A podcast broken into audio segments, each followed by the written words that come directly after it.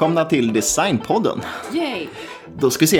Eh, Den här veckan så, så ska vi ju prata om... eh, Något som du var stolt över, eller vad sa du? Ja, precis. Det är väl- mest att det är från Nässjö så att det var därför Ja, jag känner... inte gjort Nej, vi ska prata om Nässjö storfabrik. Ja, då tycker du att du får vara stolt. Ja men alltså det här med Nässjö storfabrik, det, det har varit med eh, hela tiden liksom eh, under uppväxten. För att det, var- det var ju en av de här stora fabrikerna, även att den inte var så stor längre när jag, alltså vad länge jag kommer ihåg. För att eh, den la ju ner ändå när jag var relativt liten. Men man har hört mycket historier om det där, folk som har jobbat där. Och, eh, det var en sån här liten mardrömsgrej jag hade. För att eh, morfar brukar alltid berätta om hur farliga maskinerna var på Nässjö storfabrik. För han, eh, vi kände någon som, för det var ju liksom sågar utan några skydd och det var så här så att han kände någon som hade fått, ja någon dag slets armen av på en och en annan dag var den som föll sex meter från en eh, hög balkong. Så det är att jobba. eh, Ja, eh, så att, eh, men samtidigt har man sett mycket stolar därifrån och så. eh, Det är en av de gamla industrierna så vi kände att eh, tusan om vi inte tar ett avsnitt. Varför inte? Eh, sen eh, hittade vi ju då också en bok som eh, gjorde att vi ganska smidigt kunde eh, göra det här avsnittet. Och det här blir väl rekord va? i gammal bok, är det inte så? Det bör vara det, annars är jag chockerad. Ja, vi hittade en bok som heter Pinnstolar, ett bidrag till Nässjö storfabriks historia. Och den är skriven av Marshall Lagerqvist. Mhm, det är en cool kille. Alltså, Marshall är inte så vanligt namn i Sverige. Men den är utgiven 1943. Det var inte igår. Eh, nej, så att eh, den, det är också en sån här bok som tar abrupt slut eh, mitt i historien i och med att... Eh, Ja, det är inte mitt i Nej, för, för då är det ju så här, oj nu... Till nu, till till, idag. liksom. Det är lite kul, det finns något uppslag i den här boken på så här exempel på moderna stolar och sen så är det så här Mm. uråldriga pinnstolar som är på det här uppslaget. Men ja, hur som helst, vi, vi, vi tar och kastar oss in i det här avsnittet och ehm, Vad är det ni kallade förresten den här fabriken? eh, pinnen sa man hela Ja, tiden. det. Och det är fabri, alltså själva fabriksbyggnaden finns ju kvar idag fortfarande. Och när jag var ung så var det eh, typ replokaler och fritidsgård och så där i. Så många jag vet inte, Backyard Babies och de här banden eh, spelade sina första spelningar i den där lokalen. Idag tror jag inte det är nästan någonting där. eh, Frågan är om det är typ uthyrt till lite olika företag och så. Men de har i alla fall inte rivit det och det är ju eh, annars ett öde som har gått många av de här andra fabrikerna till mötes. Oh, ja. Men då kör vi igång. Eh, Jag pratar först eh, lite historia om pinnstolar och eh, sådant. Och sen så kastar du dig in på själva Pinnen. pinnen. Ja, vi som pratar heter Sanna och Andreas och ni lyssnar på Designpodden.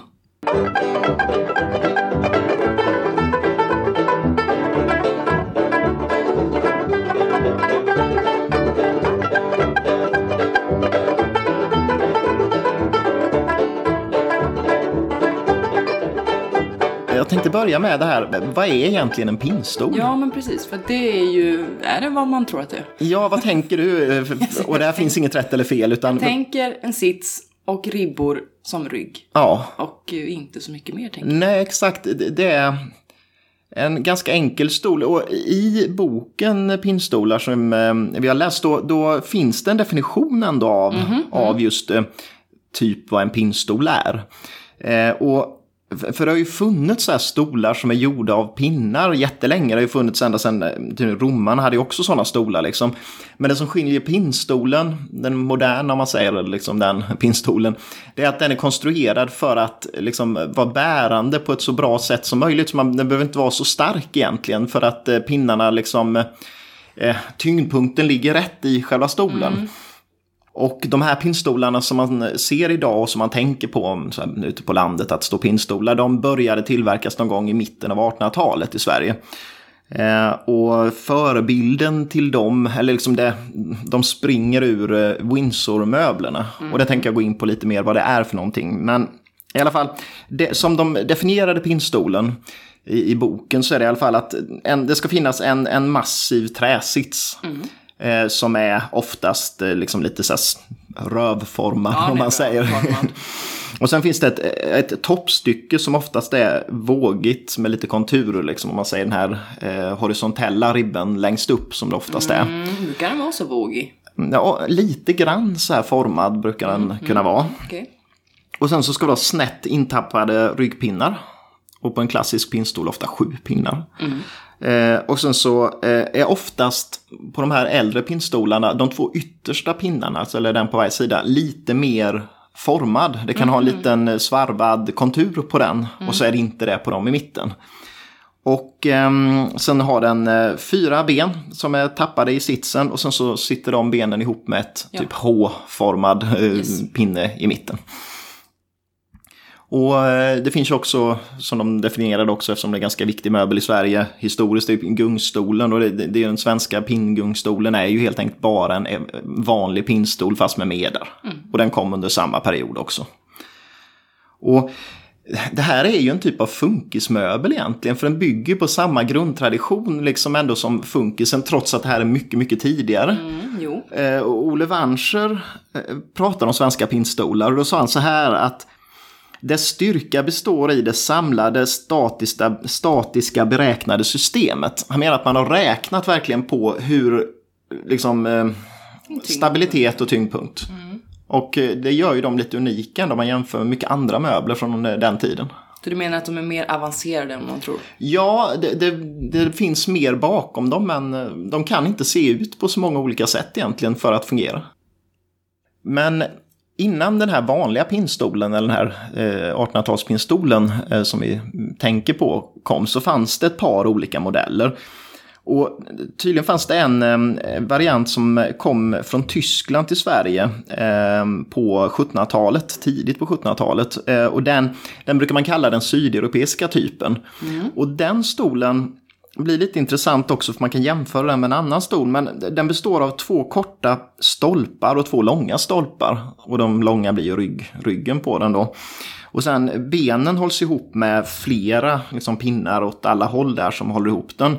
Och sen så sitsen ofta flätad i sjögräs till exempel. Och det som gör den, att det inte blir en pinnstol riktigt är att ryggen har, ja de kallar det brätten, men, men det är ju egentligen som bredare trästycken. Tre eller flera, ja, som ligger horisontellt då liksom. Och den där påminner mycket om eh, Kari Klints kyrkstol. Som vi pratade om i, i Mogensen-avsnittet här. Okej. Men, eh, Så att det är ju inte riktigt en pinnstol, men principen är lite densamma. Och sen en annan stol som också är lite som en pinnstol som, eh, som en historisk stol i Europa och Sverige. Det är eh, den, man brukar kalla den den kinesiska bambustolen. Och det beror helt enkelt på att den har inspirerats av kinesiska 1700-talsstolar som är gjorda i bambu. Och det togs in främst i England sådana här stolar och då blev de populära men vi hade ju ingen bambu så då tillverkade vi dem i trä istället i, i Europa. Och de stolarna består liksom av eh, vad ska man säga, smala rundsvarvade pinnar eh, som man har skurit i bambuimitation. Och sen benen är sammansatta likadant som den här andra med flera liksom, pinnar som håller åt alla håll så att de ska bli stabila. Men sen är ryggpinnarna kraftigt avsmalnande uppåt och sen så sitter det en horisontell eh, pinne längst upp och sen så en horisontell pinne en bit ovanför sitsen och sen så är det ju vertikala pinnar i ryggen. Och de här blev ju väldigt populära och kom till Sverige ja, sent 1700-tal någon gång egentligen. Och eh, bland annat Efraim Ståhl är ju en av de här stora stolmakarna i, i Stockholm och han gjorde sådana eh, stolar. Men när de spreds lite mer ut bland folk och så, den modellen, då, då gjorde man ju dem inte i bambuimitation. Och då ser det ut lite som en pinnstol. Men den har inte riktigt det där matematiska uträkningen på hållbarhet och så på samma sätt. Men så kommer vi då till Windsor-stolen. Och det är ju den som är, ska man säga, eh, startpunkten för det som kommer att bli en pinnstol sen. Och de dyker upp i England redan på tidigt 1700-tal. Och var vanligt hos bönder men kanske även liksom på vad ska man säga, krogar och Pub, ja, pub, på puben. Liksom. Nej, men det är ju här enklare miljöer. Men varför den heter Windsor, eller man kallar det Windsor, vet du det? För- No. Nej, för då blir det plötsligt inte alls så, så allmoge och, och så, utan Nej, då, då var det kung George den tredje. Eh, det var, då är det, han levde 1738 till 1820, men han var ute och gick kring slottet Windsor. Och så såg han sådana stolar. Och han gillade dem så mycket att han gjorde en beställning till Windsor slottet då på eh, stolar i den modellen och därför har man kallat dem liksom Windsor. Men de har hängt med och de blivit väldigt vanliga i USA för att det blev naturligt med de engelska kolonierna och så vidare. Eh, och lite så här kul historiska kopplingar men liksom George Washington till exempel hade Windsor-stolar på sitt sommarställe och Thomas Jefferson satt i en Windsor-stol när han skrev under självständighetsförklaringen 1776. Så att det är en, har blivit en sån här extremt klassisk eh, amerikansk möbel. Men då, då är det intressant att gå tillbaka till liksom, vad är det som skiljer en Windsor-stol från en liksom, svensk pinnstol. Den stora skillnaden är att Windsor-stolen nästan alltid är en karmstol. Om man säger va. Och de här ryggpinnarna som finns. Då mitt på ryggen så sitter den liksom en bågformad eh, horisontell eh, regel om man säger som fortsätter ut i eh, Armstöd. armstöden. Och man får en uppfattning om att ryggen ser ut att vara tvådelad så att den har ju liksom pinnar ovanför den och under den regeln. Men egentligen är det ju inte så utan de är ju liksom de går ju rakt igenom och det är hål eh, borrade i den här. Men det gör ju att de får ett väldigt, väldigt typiskt utseende med den här tvådelade ryggen. Och Windsorstolar blev aldrig populärt i Sverige av någon anledning. För pinnstolen fanns. Nej, den fanns ju inte då. Just Eh, för det här är innan. Så att just Windsorstolen eh, blev inte... Alltså Norge hade tydligen mer eh, liksom kontakt med England. Eh, och i Norge finns det mer pinst, nej, liksom Windsorstolar som är eh, riktigt gamla. Och ehm, de områden i Sverige där Windsor-modellen ändå, det var ju de liksom, landskapen som ligger lite åt Norge till. Men i Stockholm eh, till exempel och stormakarna där, då gjorde man inte Windsor-stolar. Det finns något enstaka exempel. Nordiska museet har tydligen en, någon svensk stol från 1800, men det är jätteovanligt. Men då eh, har vi sagt flera, eller ja, jag har sagt flera gånger, när den svenska pinnstolen. Så- Det har du. men, eh, och, då, och då kan man tänka sig att, att Windsor-stolen blev pinnstol i Sverige, men det blev den inte. Utan vi kan inte riktigt stoltsera med det, utan det, det var i USA som den första liksom, pinnstolen kom till. Och det, man, det som hände var ju helt enkelt i praktiken att man tog bort armstöden från Windsor-stolen. Man vill ha en, något man kallade side chair with fanback. Och tanken var att man skulle ha stolar, ja, en sidechair, en stol till sidan av bordet som skulle vara nätt och, och smidig. Och ehm, eh, de, de här stolarna dök upp i nordöstra delstaten i USA på sent 1700-tal. Och det som är lite komiskt är att de stolarna, 1700-talsstolarna i USA, är i princip exakt identiska med de stolarna som man sen började tillverka på 1860-talet i Sverige. Så det händer nästan ingenting med liksom, utseendet på dem. Och sen är frågan då liksom hur pinnstolen kom till Sverige och varför det blev väldigt stort i Sverige och Småland att tillverka pinnstolar. Och den naturliga förklaringen är ju liksom att, att det var emigranter som hade åkt tillbaks till Sverige igen och tagit med sig eh, liksom, eh, möbler och nya idéer från USA. Eh, Det finns en historia som sägs eh, liksom, när den första pinnstolen i Sverige tillverkades. Och den har ju ifrågasatts lite men, men man har vissa historiska belägg för den i alla fall. Och den säger att den första pinnstolen i Sverige tillverkades i eh, Svenarum som ligger i Vaggeryds kommun. Det är typ fyra mil söder om Jönköping ungefär. Och där skulle det varit en fru Henriette Kilander på Hooks herrgård som beställde stolar av snickare Daniel Ljungqvist. Och då, liksom de stolarna hon beställde, de ser ut som en svensk klassisk pinnstol. Eh, men historien säger att, att hon, den här eh, fru Kilander, skulle ha ritat pinnstolen. Men i praktiken så, om det, det som kan ha hänt är att hon har en avmätning på något sätt av en amerikansk stol. Att hon har fått den skickad till sig till exempel eh, från någon släkting eller liknande. Var hon rik tänkte jag säga. Ja, Hogs herrgård är ju en stor, stor herrgård. Så att hon, hon, eh, hon hade mycket pengar förstås och förmodligen kanske då släktingar som har eh, emigrerat. Och att, men, det är ändå på, det- ja, på det sett den. sättet. Ja, och det, hon har gillat den modellen. Och Småland på den här tiden, liksom, det var ju extremt fattigt. Det var man gick och trälade där ute på åkern. Och det var, ja, men det, man har ju sett, det, det var ju som det är i Utvandrarna när man mm, tittar på det. Det är ja, extremt det är. fattigt. Jordarna är inte bördiga och har väldigt mycket sten. Vad är det hon brukar säga till Karl-Oskar? Ja, tia, inte mer. Ja, det, men det är ju så. Det, det, det, var inte roligt att vara bonde i Småland helt enkelt. All jävla sten, ja. ja, all sten som, som ställde till. Och, och det, det som hände var ju då att man hade inte möjlighet att bara leva på jordbruket, för det Nej. räckte liksom inte. Och då uppstod det lite så andra, man började med hantverk och, och sådana saker för att dryga ut kassan och kunna byta till sig saker kanske eller så istället. Mm.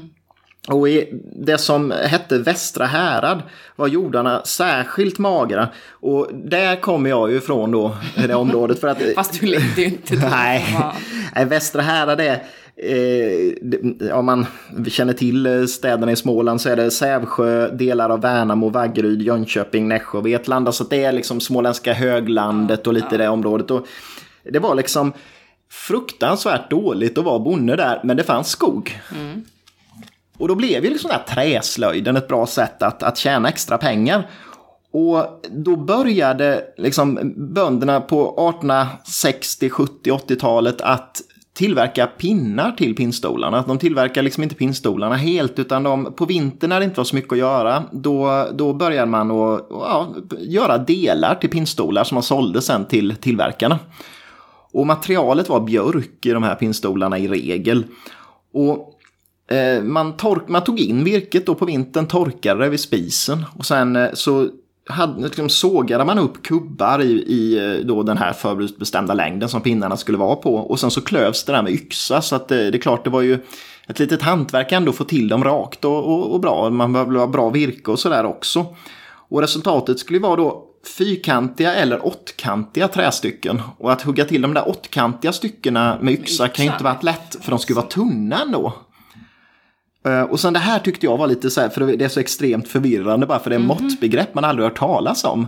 Men det var så här, materialet då, de här pinnarna, de mm. räknades mm. i gångar när det såldes. Gångar? Japp, en gång motsvarade 168 pinnar. Mm. Och till varje pinnstol går åt 14 pinnar så att en gång räcker till 12 stolar då. Så det var väl det man räknade det till. Men jag vet inte, gångar har jag inte... Men dussin, vad fan? Ja, jag vet inte varför man inte... Men det, var att, men det är att det var 168 pinnar var en gång. jag, åker in till, jag åker in och levererar pinnarna en gång. Det var det man fick med sig. Ja, ja. Men nu kommer vi till en person här som jag tror dyker upp lite i, i Nässjö Pinnstols historia också. Där, då är Johan August Karlsson från Vriksta. Han blev... Det står John senare i boken. John heter han också.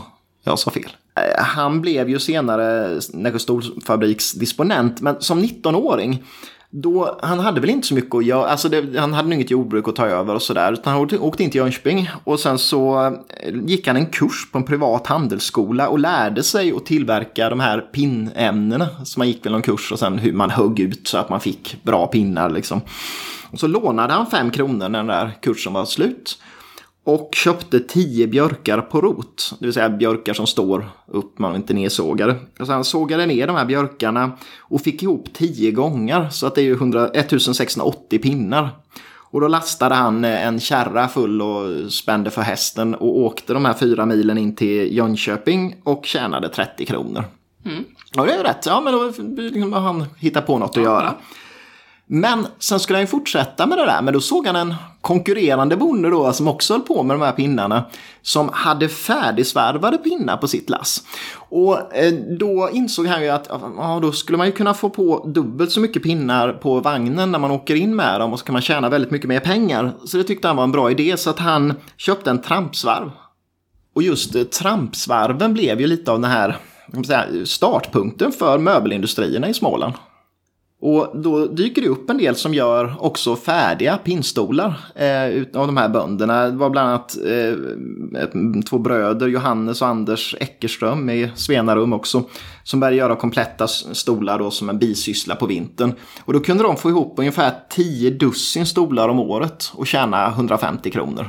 Så att eh, ja, då började det dyka upp eh, möbeltillverkning och de här stolarna sen, de sålde de inte lokalt utan de, då sålde de dem ändå i Jönköping till möbelmålare som sen målade dem och så var det ett led till innan de kom ut till ja, konsumenten då. Men den första riktiga eh, stolfabriken eller möbelfabriken eh, grundas 1863 i Hagafors. Eh, och det ligger också nära Svenarum. Och det var tre män som gick samman och eh, började göra stolar på exakt samma, eh, liksom efter samma modell som den där Daniel eh, Ljungqvist hade gjort åt Hogs herrgård. Så det är exakt den modellen de började göra där. Och de köpte ganska snart, för de hade ju de här trampsvarvarna och det, men ganska snart köpte de en gård där det fanns ett vattenfall. Och då kunde man börja använda vattenkraften. Och till att börja med så drev man svarven men sen så började man göra egna primitiva verktyg. Så man gjorde en vattendriven eh, bandsåg, en borrmaskin och så vidare. Och då blir det ju mer industriellt plötsligt än det här ja, väldigt eh, tunga hantverket innan. Och 1880 så hade den här fabriken faktiskt 18 arbetare. En klyvsåg, en bandsåg, tre pinsvarvar, en fogmaskin och en borrmaskin. Så att då var det ju lite större faktiskt. Men här, nu börjar det komma in på fabriker och sånt där så att då är det väl nästan dags att hugga in på Nässjö va?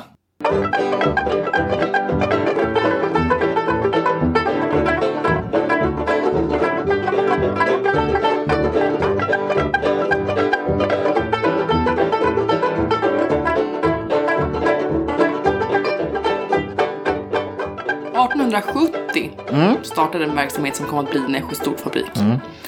Det var bondesonen Per-Johan Andersson från Hylletofta. Hy ja, Hylletofta vet jag var det ligger. Ja, det vet inte jag. Nej. Han öppnade en snickarverkstad mm. för tillverkning av pinnstolar och gungstolar mm. i, jag vill säga Svennarum. Inte Svenarum som du säger, men det gör inte mig något. För du har säkert rätt. Nej, det har jag kanske inte, men jag tycker, ja, Svennarum. Jag, tycker, jag tycker det är Svennarum. Skitsamma. Ja. Och pappan som var bonde, han var tydligen väldigt eh, händig och eh, han var så känd för att man kunde gå till honom med sina, om man Aha, behövde ja. få någonting snickrat eller till och med eh, som smed funkar han också. Jaha. Så han var väldigt händig och mm. det ärver denne son. Mm. Den här Per Johans största passion, det tyckte jag var lite roligt. Men det var att konstruera anordningar i arbetsbesparande syfte. Smålänning. Ja, men jag tyckte det. Så det, det tyckte han var det bästa han visste. Ja, han var 28 år när han öppnade den här, det här snickeriet och han hade gift sig och skaffat bostad precis i liksom samma veva. Mm. Konstigt nog så brydde han sig inte om att använda sig av vattenkraft. Aha. Utan han, eh, han tyckte han eller frugan skulle trampa i svarven istället. Ja, så de körde med handkraft. Yes, yes, yes, yes. Och i de sex år som verkstaden låg på den här platsen så mm. gjorde de det. Mm. Han hade inga andra arbetare då utan han var själv och han hade bara en svarv, en hyvelbänk och några verktyg. Det blir inte, ja, ingen stor skala där inte. Måste vi för fan börja. Ja, det är sant. Men bönderna i trakten hjälpte honom dock med att bidra med material och så vidare. Mm. De färdiga stolarna fraktades en kort väg till Långserum. Långserum? Långserum. Långserum. Ja, ja precis. Och där fanns det en tillräckligt stor ugn så att han skulle kunna torka dem. Mm, just det. Men det är ju också viktigt. Ja, annars spricker de där efteråt. Och sen som du har lite varit inne på så såldes de ofta vidare till eh, snickare i Jönköping. Mm. För sammansättning och målning. Just det. Och sen, ja. Iväg till kund. Ja, det kan man ju tänka sig. Priset för ett dussin stolar då var 15 kronor. Oj, ja. Mm. Och han var tydligen ingen affärsman och det här ekonomiska uppsvinget det kom att bero på andra personer. Ja, okay, inte den här boken är ju väldigt tänd på den här John August Carlsson. Jag märkte det. Det var ja. väldigt så uh, Han som startar skiten, han får ingen cred alls i nej, den här boken. Nej. Så jag vet inte om det är John August som har pröjsat för den. Ja, kanske. Men det vet vi inte. 1876 så flyttas verksamheten till Malmbäcks socken. Mm. Också i Småland. Ja, jag vet precis var Malmbäck yes, ligger. Yes, yes. För 25 kronor om året så hyrde han en liten stuga där verksamheten eh, kom att drivas och där han också bodde. Okej, okay, i samma. ja, det är lämpligt. Kort därefter köper han dock en Lokomobil och jag hade ingen ja. aning om att det var en riktig sak. Nej, för det finns en väg här vid oss som heter Lokomobilvägen ja. och det låter helt sjukt för att lokomotiv ja. eller automobil, men, ja. men lokomobil, men, men vad är det för något nu då? Ja, men det är alltså en flyttbar ångmaskin och jag kommer aldrig glömma det. Flyttbar igen. ångmaskin som man kan ta med.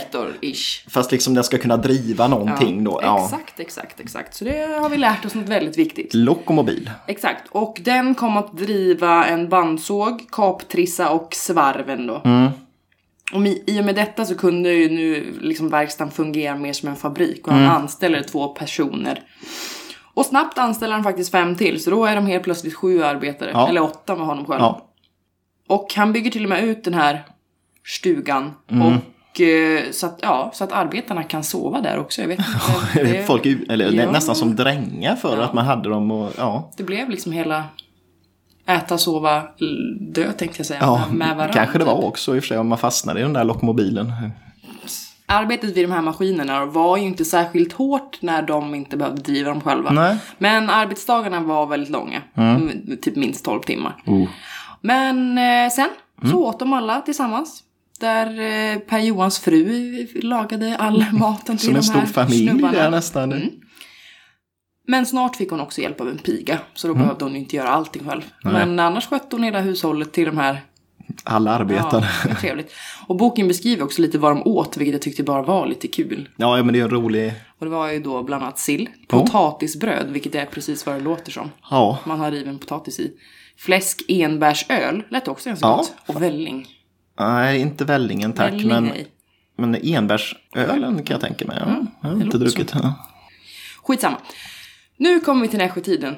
Mm. Och Nässjö var ju under den här tiden Sveriges största järnvägsknut. Precis. Och det bidrog såklart till att industrierna drogs dit eftersom att man hellre fraktar saker med tåg än med häst. Ja, mycket fortare. Japp.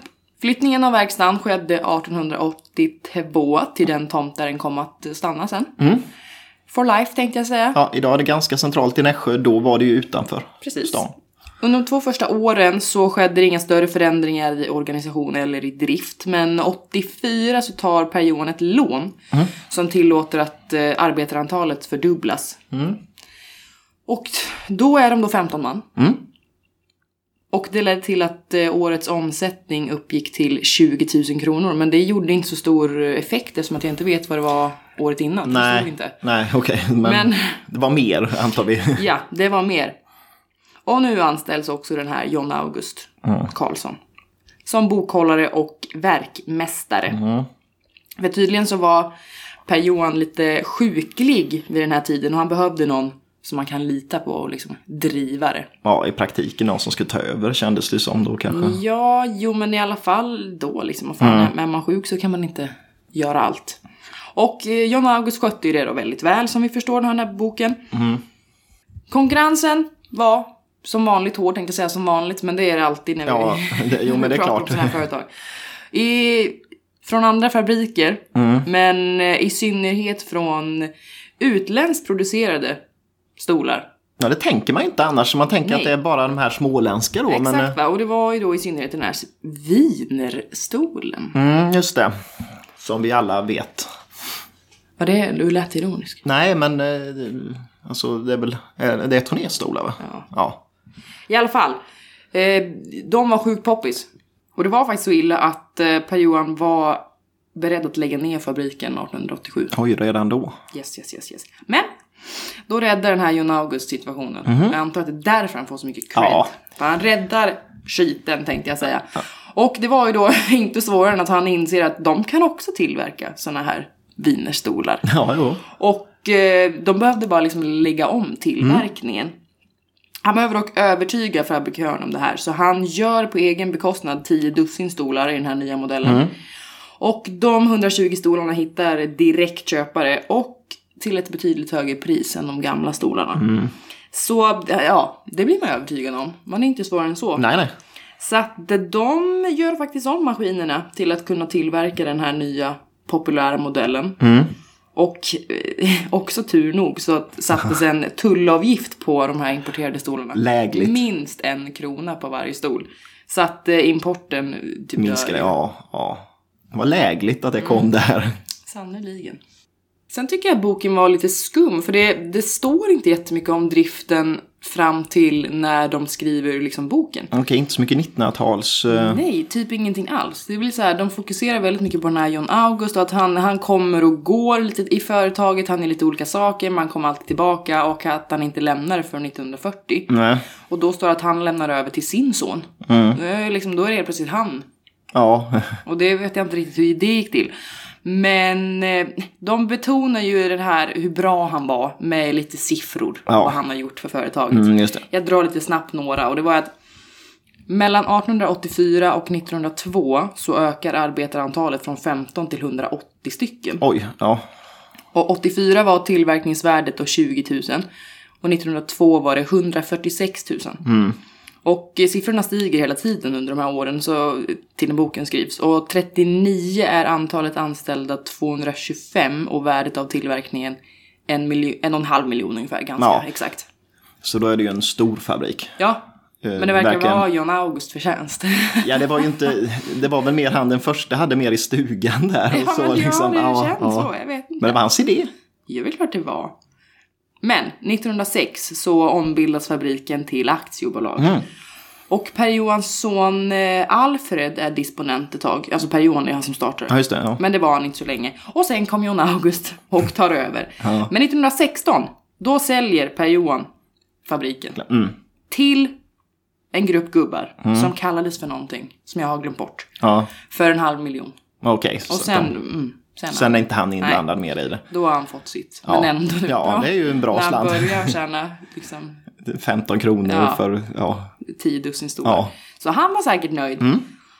De här gubbarna då, som nu äger. Jag orkar inte gå in för jag orkar Nej. inte hålla på.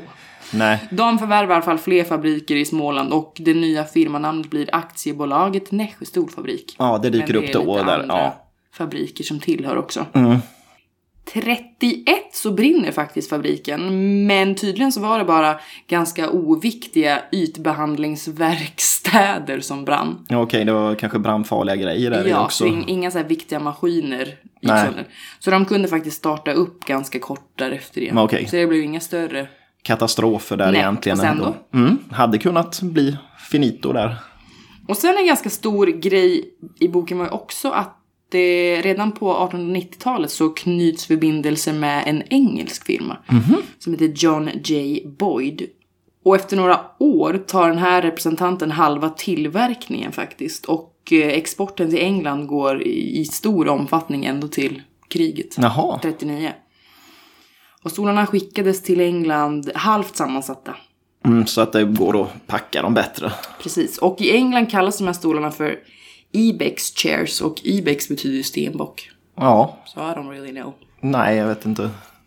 Åren före andra världskriget så exporteras faktiskt eh, 10 000 dussin stolar årligen till jättemånga olika länder. Men bland annat Tyskland, Argentina, Australien, Island, Indien, Ryssland och Sydafrika med mera. Men vad sa du, 10 000 dussin 10 000 stolar? dussin. Det är jättemycket. Ja, i alla fall, det är som vanligt Mm. är det ju då den här gedigna kvaliteten som sägs vara grunden till den här framgången. Ja, och förebilden liksom att, Som alltid. ja.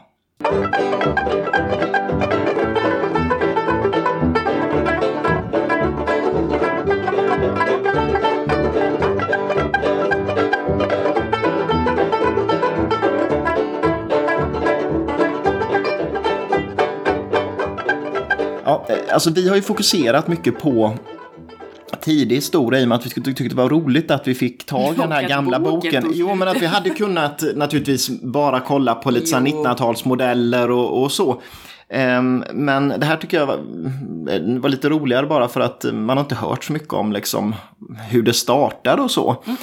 Men det går ju inte att hoppa över helt en stolsmodell som eh, blev väldigt, liksom en designstol från Nässjö stolfabrik. Och för att komma in på den tänkte jag bara nämna några ord om eh, formgivaren på den. Och eh, hon heter ju Sonna Rosén. Eh, många skriver Sanna Rosén istället, det är fel, hon heter Sonna. Och Sonna föddes 1920 och utbildade sig på Konstfack i Stockholm. Och arbetade sen bland annat som arkitekt hos Karl-Axel Acking. Så att hon fick en gedigen och bra liksom, utbildning och kom in i arbetslivet. Så. Men av, av någon anledning så intresserar hon sig för möbler för äldre.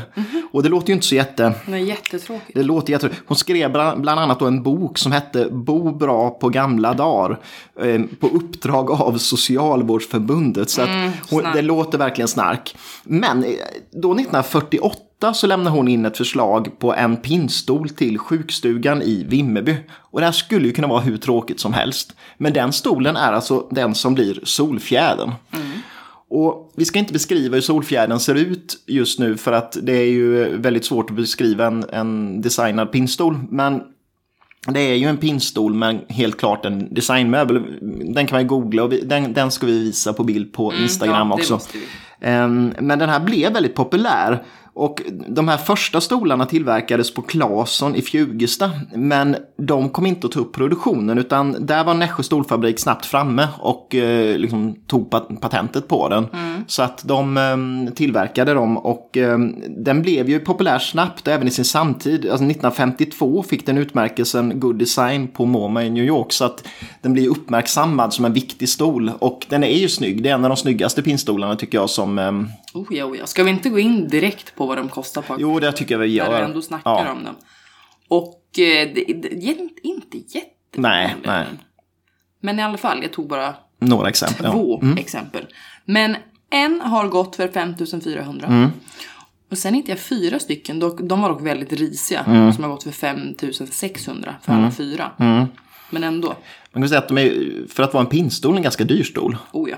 Um, och den um, nytillverkas väl idag av Jämla om inte jag är helt mm, ute och precis, cyklar. Precis, det var ju mest sådana jag hittade på. Ja, och inte så många av de uh, Nässjö, Nässjöstolarna. Um, och jag tänkte också att bara avsluta med vad som hände sen med fabriken. Mm. Uh, för att den finns ju inte kvar, den finns ju bara kvar som en byggnad i liksom ett monument i Nässjö nästan.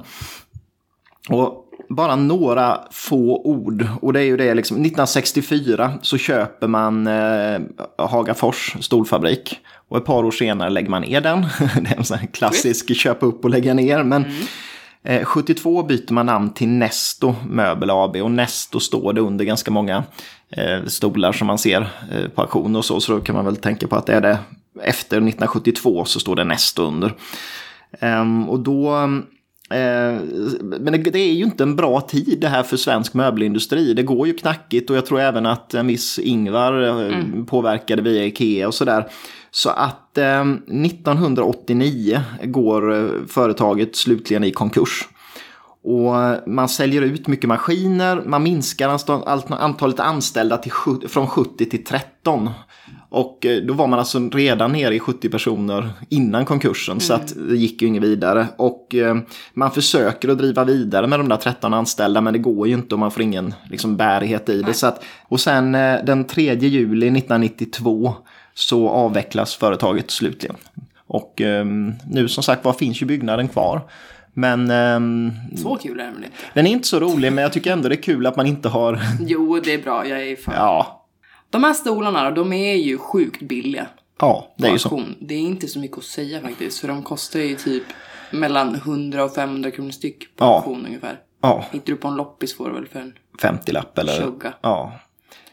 Så att pinnstolar är ju, det är ju mer tycker jag lite hur det går i modet sådär. Mm. Att, att när, ett tag var det väldigt populärt med lite så här shabby chic inredning ja, och då gick det ju, kunde pinnstolar gå ganska ja. dyrt men då spelade det ingen roll om det var en Nässjö pinnstol eller om det var någon annan utan det var det bara... som pin. Mm. Men det finns ju faktiskt en till mm. som är tillverkad där som är dyr och den mm. heter Bågen. Just det. Av Engström och Myrstedt. Just det. Och den är mm. ännu dyrare än Solfjädern. Mm. Hitta ett klubbslag på 10 800 faktiskt för en. För en stol, ja. Mm. Den är inte vanlig, det kan inte finnas många klubbslag på den. Jag hittade bara tre ja. och de andra var 4400 och 3600. Ja, så att det är just att den är så ovanlig. Men ett litet kul tips tycker jag, det är att jag tror att hems man kan söka på äh, Nässjö Pinnstolsfabrik eller så, men jag tror att hemsidan är pinstolen.se. eh, och där finns faktiskt ett arkiv med bilder på alla stolar som har tillverkats, så att där finns ju alla modeller. Hemsidan är lite svårnavigerad, men, men eh, det är värt jobbet för att det, det är riktigt kul så att kolla på Vissa modeller har man ju aldrig sett och sen vissa andra har man sett hos varenda människa mm, mm. som man har varit hos förr. Så, där, så att, ja. Ja, och det var vad vi hade för den här veckan. Det var det. Eh, nästa vecka så är vi tillbaka med en, ett helt annat ämne. Vi, vi rör oss i de finare salongerna då kan Oj, oj, oj. jag. Ja, det. Men ehm, Obekvämt. ja, ja, det passar vi inte in i. Men om man vill oss något så länge så är det bara att slänga iväg ett mejl. Ja, till designpodden gmail.com. Och följ oss på Instagram tycker jag. tycker Eh, där går det också att skicka meddelanden och sånt. Eh, och eh, annars så hörs vi nästa vecka igen.